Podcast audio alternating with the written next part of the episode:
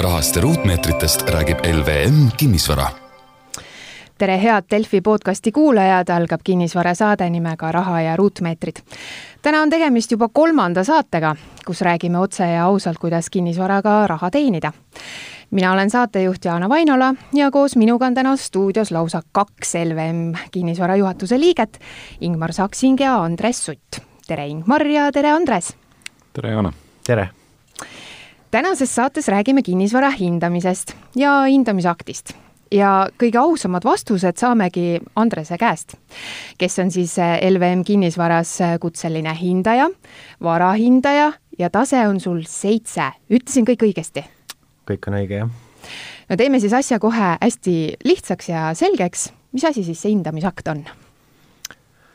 Hindamisakt ehk eksperthinnang on siis Eesti standardites kõige põhjalikumalt käsitletud hindamisaruande vorm ja hindamis, eksperthinnanguga siis antakse hindaja poolt, leitakse hindaja poolt turuväärtus varale ja seda saab siis kasutada noh, laenutagatise eh, väärtuse määramiseks ja vaidluste lahendamiseks ja, ja kui inimene tahab oma vara hinda teada, võib ka selleks lihtsalt tellida. Lihtsalt niisama ka? lihtsalt niisama ka, jah. aga no muidugi ta maksab, et mm -hmm. kui keegi tahab niisama tellida ja maksta, siis teadmised maksavad aga tihti on vist nii, et äh, kui inimesed hakkavadki siis oma kinnisvara müüma, et siis tekib ikka see küsimus ka, et kas ma ilmtingimata pean seda hindamisakti tegema? Eh, kui müümiseks eh, mõelda, siis ilmtingimata muidugi ei pea, iga inimene võib oma varale väärtuse ju määrata nii, nagu ta ise soovib, et kas ta nüüd leiab ostja selle selle hinnaga, mis ta soovib saada, on teine küsimus, aga tellima seda kindlasti müügiks ei pea, aga kliente on erinevaid, et on inimesed, kes valmistuvad müügiks ja tellivad kõigepealt hindamisakti, et üldse selgust saada, kas see vara, mida nad müüa soovivad, on nii palju väärt, nagu nad ootavad ja kas nad üldse, on neil mõtet nagu sellega turule tulla, aga on paljud, kellel on see turule tulek lihtsalt seotud oma äh, emotsionaalse sellise mõttega, et kui palju ta vara võiks väärt olla, palju ma selle eest võiks küsida ja, ja siis nad äh, nii ka tele, toimetavad aga nüüd äh, minul kui ostjal on vist lihtsam seda kinnisvara siis ikkagi ka osta, kui on juba see hindamisakt ees olemas, ma tean, et on õiglane turuhind. seda küll jah, et eks see hindamisakt on vajalik, äh, kui te ostmisel kasutate pangalaenu, siis ega ilma hindamisaktita seal, eksperthinnanguta seal äh, ei ole võimalik seda laenu saada, iga varale mille vastu laenu antakse, on eksperthinnangut vaja, nii et selles mõttes on jah, hea, kui ta on olemas sel juhul. Et tegelikult äh, ma just kuulangi Andrest, et äh, ta kogu aeg ennast parandab, et hindamisakt ja eksperthinnang, et äh, et äh, rahvakeeles on hästi palju selliseid mõisteid, et noh, nagu me siin oleme eelmine saade ka rääkisime või üle-eelmine, et äh, et kommunaalkulud ja kõrvalkulud, et kus, kus need mõisted tulnud on, et äh, inimesed räägivad hindamisaktist ja tegelikult on tegemist eksperthinnanguga et.... no standardi kohaselt on eksperthinnang jah, aga tahtsin... tegelikult on nad üks ja sama muidugi, tavamõistes jah, et, et, et nii-öelda seal vahet ei ole, aga, aga siis nii-öelda, kui tahta hästi täpne olla väljendites, et ma arvan, et meil on selline, selline vaba formaat, et äh, ei, ei pea, ei pea nii-öelda detaili nende mõistetega minema, et, et selles, selles mõttes, et siinkohal jutt ära räägitud. ma siinkohal siiski teeks veel ühe väikese täpsustuse, et äh, see eksperthinnang on see, mida me siin mõistame hindamisakti all, ehk see on see, mille vastu siis äh, vara hinnates laenu saab mm -hmm. ja olemas on ka muid hindamisvorme, ehk siis on ka olemas äh, ekspertarvamus, ekspertarvamus on selline ütleme, vabamas vormis ja ja seal küll hindaja toob välja võimaliku turuväärtuse vahemikku, ta ei ole nii täpselt tehtav, aga no selle vastu äh, ei saa reeglina, seda ei saa kasutada reeglina laenutagatise määramiseks. seda pangad ei aktsepteeri? seda pangad ei aktsepteeri, jah. Mhm. ja kolmas, kolmas siis nii-öelda moodus veel, mida nagu turul ka pakutakse, on siis selline hin-, hinnaalane konsultatsioon või, või selline nii-öelda maaklerite poolt või, või ka siis äh, mittekutseliste hindajate poolt äh, siin ringe, ringlevad dokumendid, et äh, noh, selle teenusest muidugi ma ei soovita maksta mm. -hmm. et, et äh, tegelikult turul ähm, noh, võib jääda mulje, et, et, äh, et siin kodulehtedel ja igal pool on väljas, et äh, hindame teie vara, et, et see, et automaatselt, kui mõni inimene, kes on kinnisvaraga seotud, oma arvamuse avaldab, et, et sel juhul siis ei ole tegemist nii-öelda standardist tuleneva või, või siis ka seaduses nõutud eksperthinnanguga, noh, ütleme laenu puhul on nõutud seaduses tegelikult eksperthinnang, see oli ühe aasta märtsis, kas aastad lähevad ruttu, vist üle-eelmise aasta märtsist alates on nagu see hindamine seaduse tasandil reguleeritud. aga mida siis kõike hinnata saab?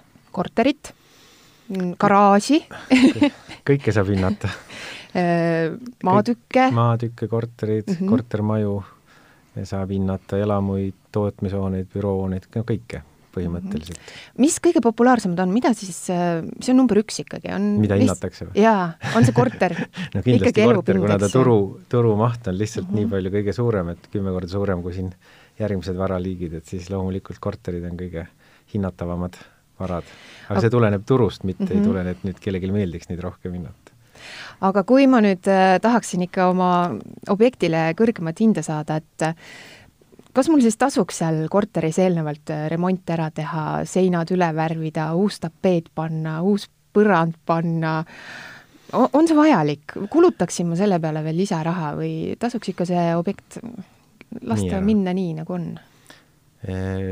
Noh, turuväärtus kujuneb ikkagi ju vara seisukorrast, üks, üks võimalikke, üks võimalikke hinna, hinnakujunduse koha pealt äh, olulisi aspekte ongi vara seisukord, kui on hea või kui on räämas vara, noh, ega ostjaskond, kes seda ostab, on hoopis teine, kui on hea vara. hea vara puhul on ostjaks tavaliselt see lõpptarbija, kes tahab sinna kohe sisse kolida, hakata seal elama, toimetama, tööl käima.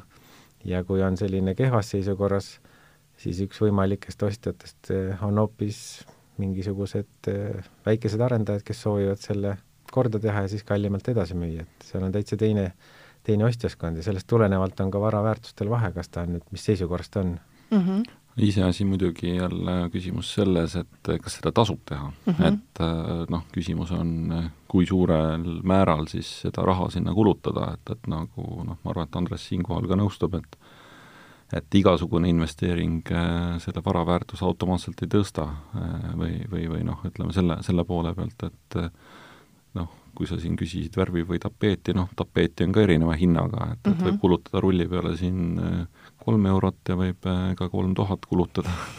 Et, et äh, kes, kes kuidas mida teeb, et ma arvan, et sellest lähtuvalt peaks ka võib-olla siin nagu nõu pidama, et et milliseid investeeringuid tasub teha ja, ja noh, ütleme, mis puudutab siis näiteks ehitatavaid maju, seal noh, paranda, kui ma eksin, aga, aga tasuks ka nii-öelda hindajatega nagu selles mõttes üle rääkida, et millises etapis seda hindamisakti hin-, eksperti hinnangut siis mm -hmm. tellida, et, et nii-öelda tihtipeale nii, et ostetakse kinnistu ära, eh, tehakse vundament valmis ja öeldakse, et näete, et noh, kulunud on juba nii palju tegelikult ütleme, selline kinnistu koos vundamendiga suurt midagi ei maksa, et, et seal juba järgmine etapp võib-olla oleks see, kus maja karp on püsti, võib-olla avatäited on ees, siis hoopis hindaja tellida, et, et nagu selles mõttes, et ennem neid etappe ka omavahel siis eh, kooskõlastada või noh, nõu, nõu, nõu küsida et ikkagi ma võiksin nagu eksperdi poole pöörduda, et mis sa arvad, et noh, tasuks mul teha nüüd mingisugune väike sanita-, sanitaarremont seal ennem ära või, või jätame nii, nagu no kui on? puhtalt jah, müügiga tegemist on, siis küll, et, et aga kui on ikkagi plaan seal noh, ütleme, teda lisatagatisena kasutada või, või, või noh, ütleme laenu selle, selle tagatisel võtta, siis on, siis on nii-öelda jälle see noh, ütleme, periood ju ka oluline, et, et mm -hmm. remondi peale ei kulu päev et, et noh, võib-olla siin mõni saade välja arvatud, kus nädalaga maja püsti pannakse, et et, et eh, juhtub, juhtub imesi, aga, aga üldiselt see remont ju võtaks siis ju eh, noh, ütleme kuu või kaks või kolm või neli aega, samas kui on ikkagi vajadus varem midagi te-, tegema, toimetama hakata ja, ja siis võib-olla jah, ütleme see pool iseenda jaoks tellida, ütleme see hindamine, saada aru, mis ta täna maksab, selle töö tellimise kõrval siis konsulteerida, kas ikkagi tasub või ei tasu, kui müügi, müügini tahta jõuda. et selles mõttes nii-öelda turg on erinev, nagu siin ennem jutuks oli. Andres, kuidas see vara hind äh, välja kujuneb siis lõpuks sinna paberi peale? noh, nagu ikka, nõudluse-pakkumise vahekorrast tuleneb reeglina. eks ta eks ta sõltub sellest, mis varaga tegemist on, kui suur selle vara järgi nõudlus turul parasjagu on, mis on turuseis parasjagu, et eks me selles eksperthinnangutes peame kirjeldama ka, ka seda majanduskeskkonda, et me kõik ju teame, et et see kinnisvara hind ei ole püsiv ajas, et ta kord tõuseb ja siis võib juhtuda, et mingil hetkel langeb päris kõvasti, ehk siis sellest turuolukorrast sõltub. teine kindlasti sõltub, sõltub sellest, mis varaliigiga tegemist on, on varasid, millele on nõudlus väga suur, noh, kui me võtame täna näitena kas või siin väiksemad korterid heas seisukorras Tallinnas ja uued korterid, nendele on nõudlus suur, kui me võtame samas mingisugused kortermajad kuskil ma ei tea, maakohas mm, -hmm. kus midagi ei ole, seal noh, ma arvan, et seal on terveid piirkondi Eestis, kus sa saad ühe või kümne euroga korteri osta, kui sa tahad, sest nõudlust lihtsalt ei ole. et nii ta kujuneb, lisaks on muidugi noh, vara enda seisukord, eh, kõik dokumentatsioon, kas need on korras, ei ole korras ja nii edasi, et seal neid nüansse on, millega peab arvestama. aga no suures plaanis ikkagi asukoht, seisukord ja nõudluse pool siis kui kaua tavaliselt see hindamisakt äh, kehtib? et ma võiksin ta esitada näiteks pankadele või on mm. aasta aega?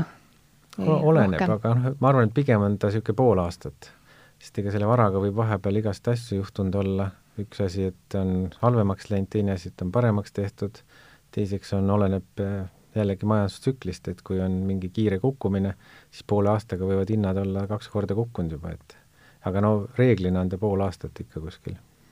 Jah, nendest eh, muutustest ju ka tegelikult, et eh, näiteks kortermajade puhul ju ei peagi olema korteri endaga midagi juhtunud, aga või midagi toimunud, aga, aga noh, näiteks kui ühist on vahepeal võtnud vastu otsuse maja renoveerima hakata, maja renoveeritud ei ole, aga noh, ütleme, ette on juba teada, et eh, kaasnevad sellised täiendavad remondifondi maksed, see jälle nii-öelda on tegelikult selline nii-öelda kaudne, kaudne mõjur Äh, kogu, kogu selle numbri, numbri poolele, nii et mm. -hmm.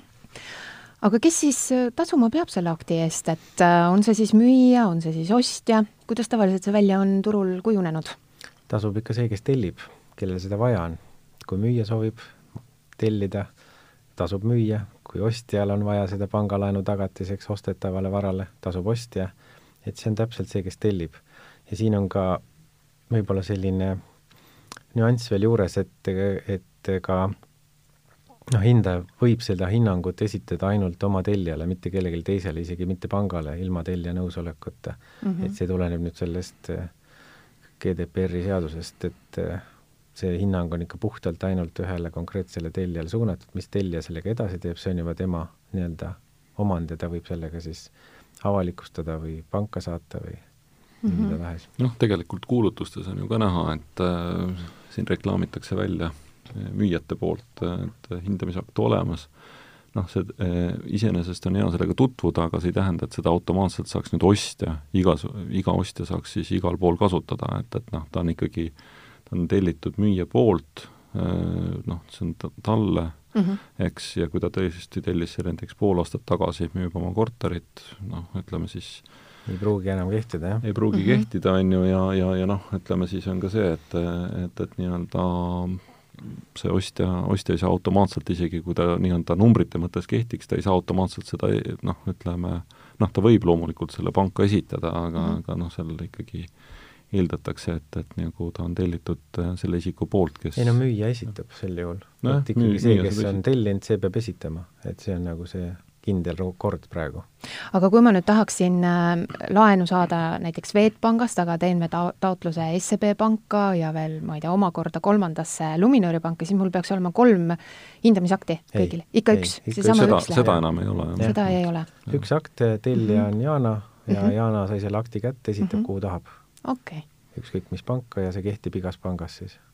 selle võrra on siis lihtsam? just jah, noh, ütleme selle eeldusega, et äh, see hindamisakt on jah, tellitud selle ettevõtte poolt, äh, keda kõik pangad aktsepteerivad, et äh, automaatselt nagu seda eeldada hindajate puhul nagu alati ei tasu, et siin neid erisusi tuleks ikkagi jälgida, et, et selle, selle poole pealt üle küsida, et et kui sa tahad nii-öelda Swedbanka esitada seda ja Luminor panka, et siis nii-öelda firma oleks ka, oleks ka aktsepteeritud, et, et noh, ütleme, LVM-i puhul on see selline lihtne olukord, et kõik, kõik pangad aktsepteerivad, aga turul on nagu erinevalt ja erinevad piirkonnad on ka tegelikult hindajate poolt, et pankade poolt aktsepteeritud, et võib-olla lihtsalt mitte kogu Eesti mm -hmm. elu ja äri kinnisvara, seal võib olla näiteks eranditega, et ainult Harjumaa, eks, et noh, me teame, et väga populaarne on praegu sellised rõngasmaakonnad, isegi mitte rõngasvallad, aga noh, näiteks Rapla maakond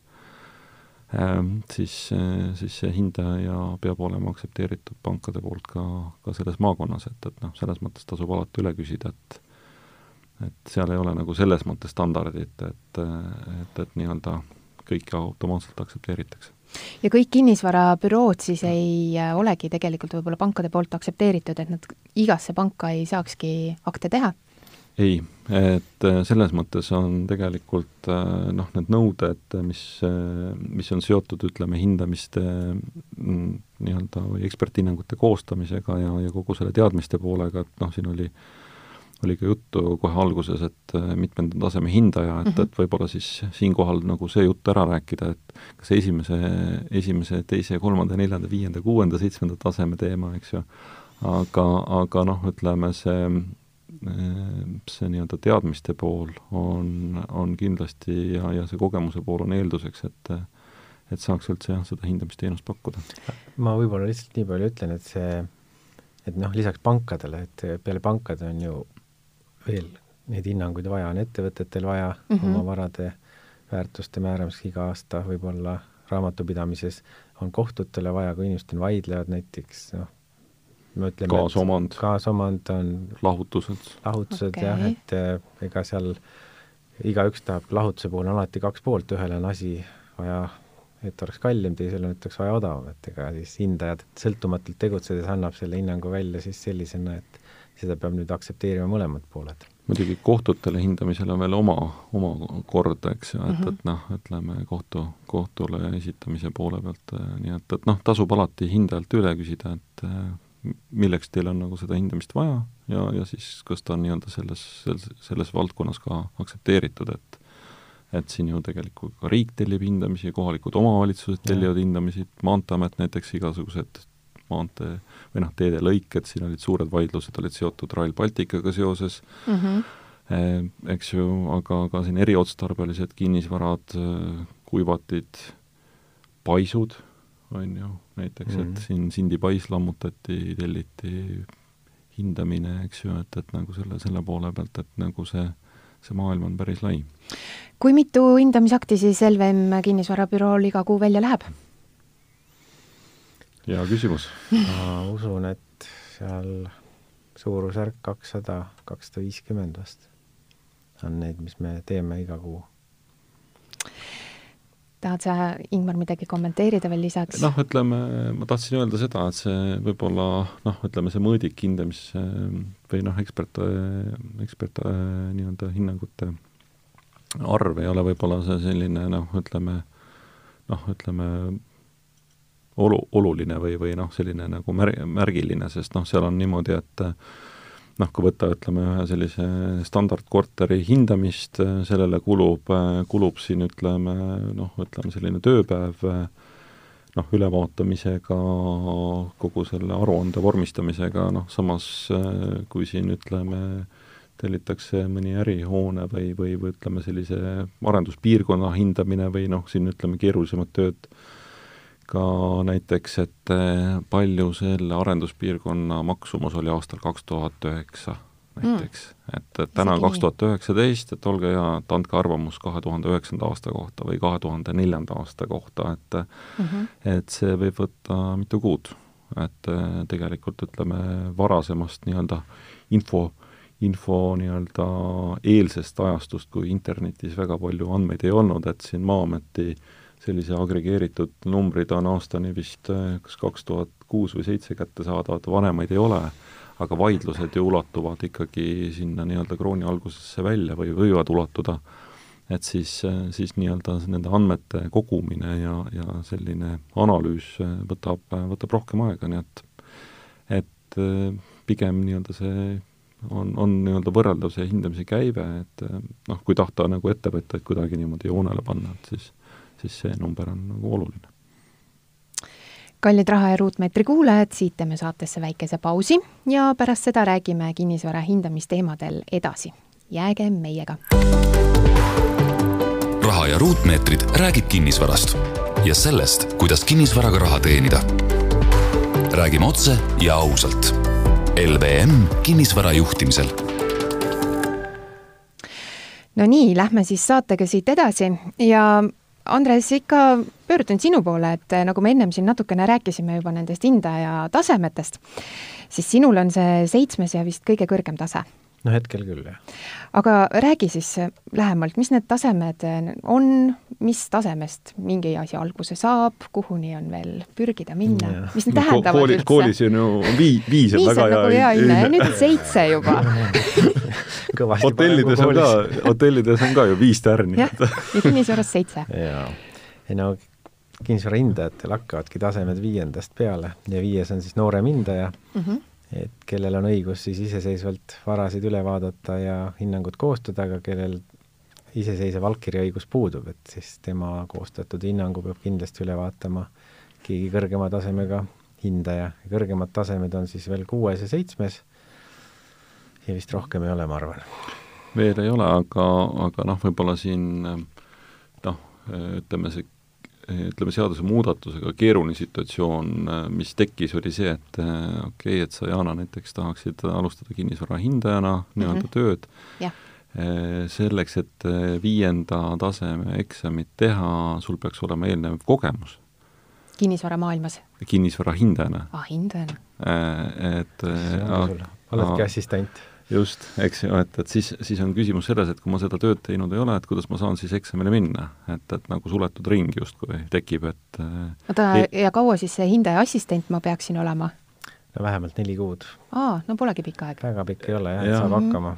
aga noh, kui sa mõtled nagu seda, et assistent ise ühtegi, ühtegi sellist, sellist hindamisega otseselt seotud tegevust teha ei tohi, ta on ikkagi selline äh, päris pikk sisseelamise protsess, et, et, et nii-öelda noh, ütleme see neli on jah, miinimum, aga, aga noh, ütleme, et seda, seda nii-öelda eksamit tehakse kaks korda aastas, võib-olla ka pool aastat, noh, olukord, kus sa nii-öelda saad ainult seda tööd õppida, aga mm, -hmm. aga otseselt teha ei saa, et, et nagu selles mõttes on, on see pool ja teine pool on ka seotud siin hästi palju ajaga et noh, selleks, et ütleme siis kuuenda taseme eksam ära teha, eeldab jälle omakorda noh, kaheaastast praktikat, eks. ja, ja seitse, seitsmes tase siis, kui ma ei eksi, siis kolm aastat nii-öelda. haridusest, aga ma võib-olla sellest kuuest tasemest ongi rääkida, et kuues on siis tase, mis annab juba allkirjaõiguse ja sellega võib hinnata siis elukondlikku kinnisvara ja seitsmes tase annab siis õiguse hinnata kogu kinnisvara et siis on seitsmest täna kõige kõrgem ja, ja, ja nagu Ingmar ütleski jah, et et kuuendat taset teha, peab sul olema viis või kaks aastat staaži, vähemalt selle viienda tasemega. ja et seitsmendat teha, siis peab see ta-, staaž veel kõrgem olema, et vähemalt siis kolm aastat. kui sul on, äh, vist oli seal see haridus, pidi olema sobilik, et äh, noh, haridus ongi nii, et kõrgharidusega kõrgharidus kindlasti jah, aga mm, -hmm. aga seitsmenda taseme puhul siis juba magistrikraad ja Aha. siis teatud, et selle kolme aastaga saada siis ka mingid erialad seal, mis olid siis kas kinnisvara, juura, ehitus. Mm.. et see ei ole nii, et sa oled äh, lihtsalt õppinud äh, noh, mingit valdkonda mm, -hmm magistritöö ära teinud, noh miks Andres ütles siin, äh, ütleme, haridusest sõltuvalt või kuidagi äh, võiks jääda mulje, et noh, ütleme, et kuidagi väga valikuline, noh, seal on lihtsalt küsimus see, et osad inimesed on õppinud ütleme, ainepunktide eelsel ajal mm -hmm. ja, ja osad on siis õppinud äh, nii-öelda siis krooni ja euro ajal, et, et noh, seal on nagu lihtsalt see, et kuidas miskit tasemeid võrdsustatakse, et siis eh, Nõukogude aja selline nii-öelda no ütleme, et see jääb juba nii kaugele, et selliseid uusi hindajaid ei perioodist enam ei, ei lisandu võib-olla et kui keegi lihtsalt äh, tahaks täna äh, täpselt teada, siis, siis oleks võimalik, jah. aga ütleme siis äh, mingi selline büroo, kus ei ole seda seitsmenda taseme hindajat, ehk siis kes annaks seda allkirja no kuues siis... võib ka anda. no kuues võib ka anda, jah? elu, elukondlik. okei okay., et mm -hmm. siis ikkagi kuni kuus juba võiks, võiks siis olla kinnisvarabüroodes. peab olema, peab olema seadusest mm -hmm. tulenevalt, et see muidu, isegi ei muidu ei ole jah, nagu eksperthinnangut, mida välja anda mm. -hmm. võimalik teha kas sul on äh, sinu karjääris midagi huvitavat ka juhtunud seoses äh, hindamisega? ei, täitsa igav on no midagi ikka,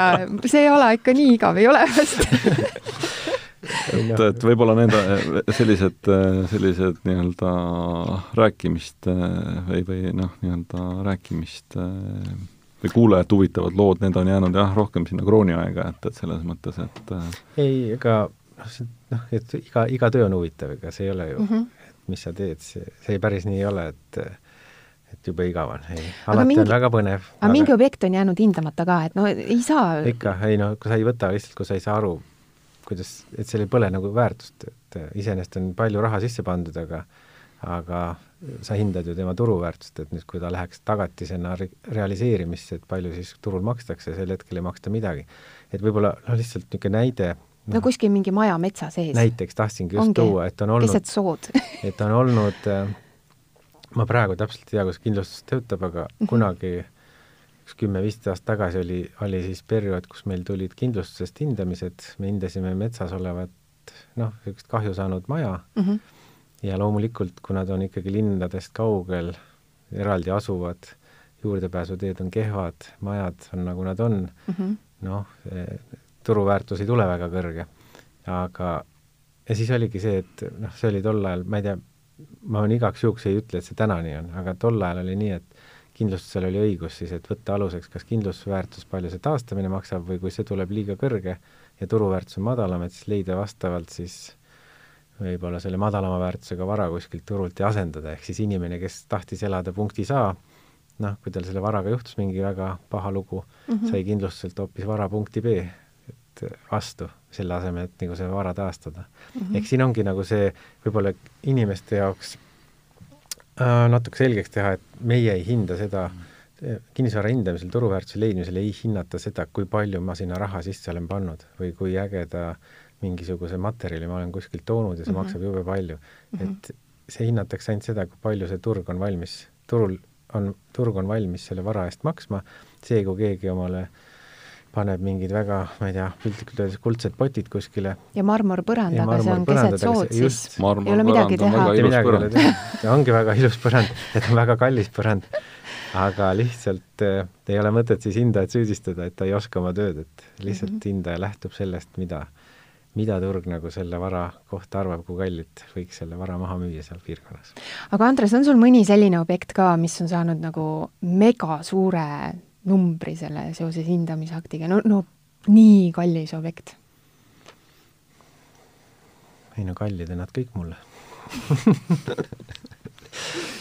ei, ma ei oska öelda et mis nüüd nii mega suure hinna oleks. aga noh, ütleme saab ikka selle hinna, mis mis on ikka see turuväärtus. Mm -hmm. üle ei saa hinnata. et mm -hmm. on olnud küll neid, neid olukordi ka, ütleme, kus, kus erihuviga ostja maksab rohkem, kui, kui on nii-öelda seal aktis kirjas, aga võib-olla nendest näidetest kerida seda, seda aega nagu pigem rohkem tagasi, kus see hindamistegevus ei olnud reguleeritud, et et alguses ei olnud ju ka, ütleme siis hindamisel standardeid, et põhimõtteliselt igaüks võis ise selle vormi välja mõelda ja mm -hmm. ja, ja, ja siis öeldagi, et see on hindamisakt, et, et see, selle poole pealt on nagu hästi suur areng toimunud, aga aga võib-olla siin eelmise buumi eelsesse aega veel sinna üheksakümnendate algusesse tegelikult noh, et see oli äh, ka noh, pankadel ei olnud selliseid laenupoliitikaid välja töötatud ja, ja siis ikkagi prooviti ikkagi hindajaid otseselt ka nagu ära osta, et, et ole hea, kirjuta mulle topelthind ja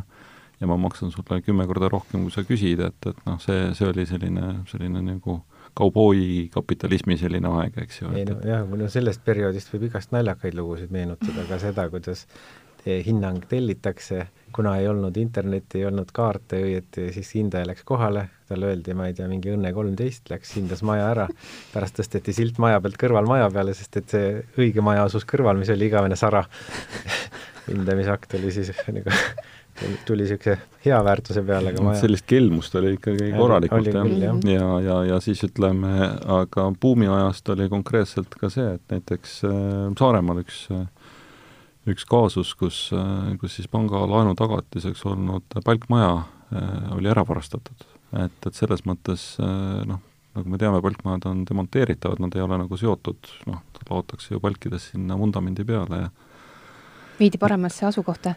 Jah, ütleme, kui teaks, kuhu viidi, siis ju oleks järg-, et, et noh, et siis pank lihtsalt pöördus meie poole seal, et te olete hinnanud, eks ju, et fotod on juures, aga et me käisime koha peal, et maja pole mm. -hmm et selliseid, selliseid nagu väga keerulisi kaasusi ka, ütleme sellest buumijärgsest ajast, et, et nii-öelda, et, et on võimalik maja ka sealt kinnistult ära viia.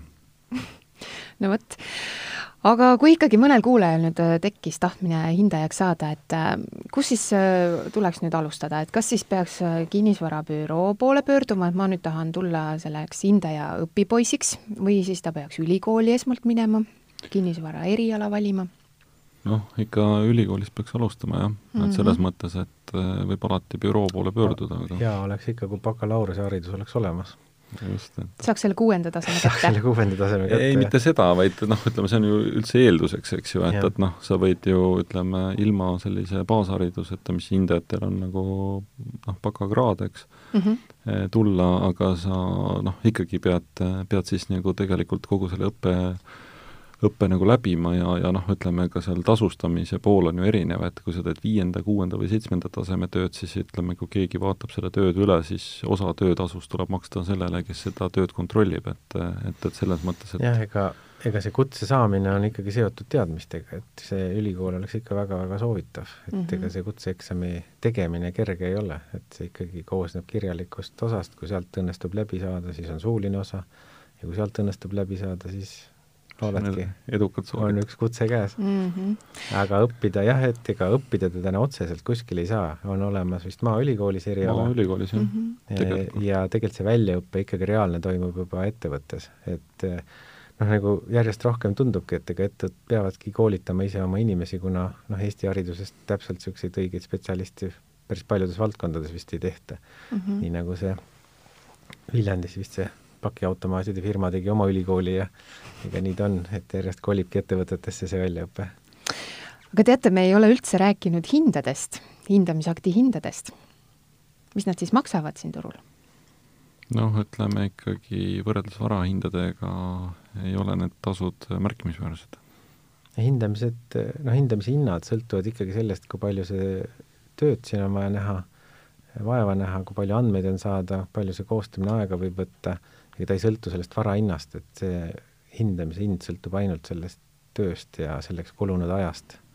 et selles mõttes ta nagu erineb äh, varaliigiti ja noh, korterite puhul võib-olla Tallinnas niisugused lihtsamad korterid on siin tüüpsed on ju. tüüpsed korterid on sada nelikümmend võib-olla nat, natuke peale mm -hmm. seal, aga nagu juba hakkavad, noh, inimesed noh, arvavad, mul on tüüpkorter, aga noh, ega see tüüpkorter on see, et et kui ta on juba telliskivist kuskil ehitatud see maja, siis ta enam väga tüüp ei ole, siis võrdlusandmed tuleb sarnastest leida, neid on vähem mm. -hmm. ja rääkimata järjest, kui on mõttelised osad, kui on mingid krunditükid kuuluvad juurde, maakasutused, noh, on täiesti nagu teine juba et töö ja vaev seal. et võib-olla noh, ütleme jah, sellest korterite poole pealt võib ju tunduda, et äh, ruutmeetreid on sama palju, et aga turuhinnad on ikkagi noh, kui me võtame siin tüüp tüüpelamu piirkonnad Mustamäel, eks ju, et seal on ju vahe, kas, kas ta on nii-öelda viiekordne maja või, või korruseid on rohkem juba, sealt sõltub see hind ja, ja, ja sealt need võrdlused, aga võib-olla siia juurde ka nagu noh, kirjeldamaks seda nagu hindamise protsessi, et näiteks kui hinnatakse ühte elamut eh,, nii-öelda mitte siis linnas, noh, linnas on nagu reeglina juurdepääsud olemas, aga, aga noh, maakonnas või, või kuskil külas, et siis hindaja tegelikult peab eh, kogu selle eh, noh, tee eh, läbi nende erinevate kinnistute nii-öelda üle siis eh, kontrollima, et kas see on nii-öelda avalikus kasutuses või ei ole. et, et nii-öelda kui seal nüüd ütleme, avalikust, avalikult teelt juurdepääs teatud osani sellele, kuni kinnistuni on olemas, sealt edasi on erakasutus, sealt edasi jälle nagu avalik, kui see vahepealne tükk jääb nii-öelda kuidagi eraomandisse, kas siis selles osas on nii-öelda see kokkulepe sõlmitud, noh, seda tööd nende piirangutega ja nende äh, nende erinevate selliste, selliste kaasustega on üksjagu, kuigi tundub, et noh, maja on ju noh, mis ta siis on, et ühekordne ja sada nelikümmend ruutu mõlemad, et kuidas siis võrrelda ei saa, et, et et lihtsalt võib-olla niimoodi kirjeldusena ikkagi aru saada sellest protsessist. aga minnes veel korraks tagasi eelmise üürisaate juurde, kus me rääkisime üürimisest. siis paar päeva tagasi tuli välja uudis, et äh, Tallinna kesklinnas saab raha eest äh, üürida sissekirjutust. Ingmar, oskad sa seda teemat äh, kommenteerida, et on selline tegevus siis aktuaalne siin üüriturul? noh, eks me oleme siit ühte, ühte telesaadet ka näinud sel, sel teemal, kus ühte korterisse mahtus kolmsada või, või kakssada mm -hmm. firmat ära, et, et eks ta on sellise, sellise laadse teenusega tegemist, et äh, kõik sellised tehingud, mis äh, näivad millegi teisena, tegelikult äh, ei ole, ei ole kas siis hea tava või seaduse piires, et, et noh, selles mõttes, et kui me võtame lihtsalt nii-öelda sellise sissekirjutuse nii-öelda kui, kui sellise, siis tegelikult ta ju mingit õiguslikku tähendust ei oma, selle aluseks peab olema ikkagi mingi nii-öelda siis dokument ja kui see dokument allkirjastatakse, on ta siis tasuta kasutamine või, või üürileping või mingi muu dokument kirja-, noh, allkirjastatakse ainult sellise sissekirjutuse tegemise eesmärgil saada siis, ma ei tea, soodsamat parkimiskaarti või, või ei la..., laps on vaja kesklinna kooli no, saada. jah, ma tahtsingi jõuda, et äh, lasteaed, äh, kool, noh, mida iganes, mis ja. siis elukohaga nagu seo-,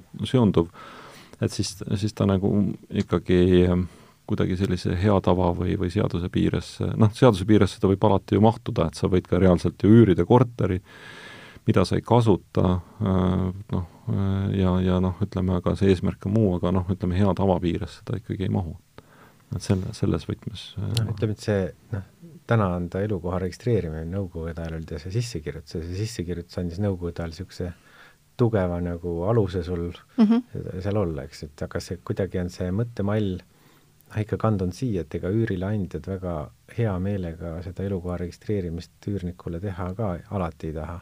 et see võib-olla noh, ei otseselt ei puuduta seda küsimust, aga see tuleneb sellest, et miks need, miks on neid võimalik siis müüa, et kuna noh, mingil juhul sa võib-olla eladki kesklinnas mm, -hmm. aga sul üürileandja ei ole nõus seda elukoha registreerimist sul lubama sinna teha, no siis mis sul üle jääb, ega maksad. otsidki ja maksad, kus saab, eks, et see, noh, see võib olla nii ja naa. Et eks ta tuleneb natuke meie sellest äh, seadusandlusest, kus üürileandja huvid on, ma arvan, et vähem kaitstud kui üürniku huvid, et me neid puuküürnikest ja ja sellistest probleemsetest juhtumitest oleme siin ju kuulnud erinevaid, erinevaid äh, juhtumeid. ja noh, kui tulla nagu tänase saate sellise, sellise nii-öelda teema juurde, siis tegelikult ega seesama kas kehtiv üürileping selle korteri või maja osas on olemas või ei ole, see hästi palju mõjutab ka seda nii-öelda vara noh, vara hinda, et, et noh, küsimus on ju alati, mis tingimustel eh, see üürileping sõlmitud on, et, et kas seda on võimalik ennetähtaegselt lõpetada, noh, varal ei ole väga suurt väärtust, kui üldse, kui seal on sõlmitud näiteks selline kokkulepe, kus üürnik siis, üürniku tasu on nii-öelda selle vara parendamine, ta reaalselt otseselt üüri ei maksagi, noh, ma ei tea, oli kokku lepitud, et kappremont tehakse ära ja selle eest on tal õigus järgmised kakskümmend aastat kasutada. Mm -hmm. seda korterit, et noh, siis äh, ka hindamise aspektist vaadatuna väga suurt väärtust sellel ei ole, et, et nii-öelda noh, e, neid olukordi, kus, kus nii-öelda ollakse ka laen või noh, on võetud laen ja soovitakse müüa, aga tegelikult üüritakse välja kui seda pangaga kooskõlastatud ei ole samamoodi, et tegelikult see mõjutab, mõjutab nii-öelda kõiki neid kokkuleppeid. ja tuletan teile Raha ja ruutmeetrid podcasti kuulajad meelde, et kui teil tekib kinnisvaraga puudutavaid küsimusi, probleeme, siis alati on võimalik pöörduda LVM kinnisvara poole. no vot, selline saigi siis tänane kolmas kinnisvarasaade, kus siis rääkisime hindamisest. koos minuga olid stuudios LVM kinnisvara juhatuse liikmed Ingmar Saksing ja Andres Sutt tänan teid mõlemad, Ingmar ja Andres, saatesse tulemast. tänan kutsumast ja kui teil, kallid kuulajad, tekkisid ka täna küsimused, mis puudutavad kinnisvara hindamist, siis ikka julgelt kirjutage meile lvm.delfi.ee. pange oma küsimused teele ja juba järgmises saates proovime neile ka ausad ja otsesed vastused leida. mina olen saatejuht Jaana Vainola, aitäh, et kuulasite ja uute kohtumisteni! rahast ja ruutmeetritest räägib LVM Kinnisvara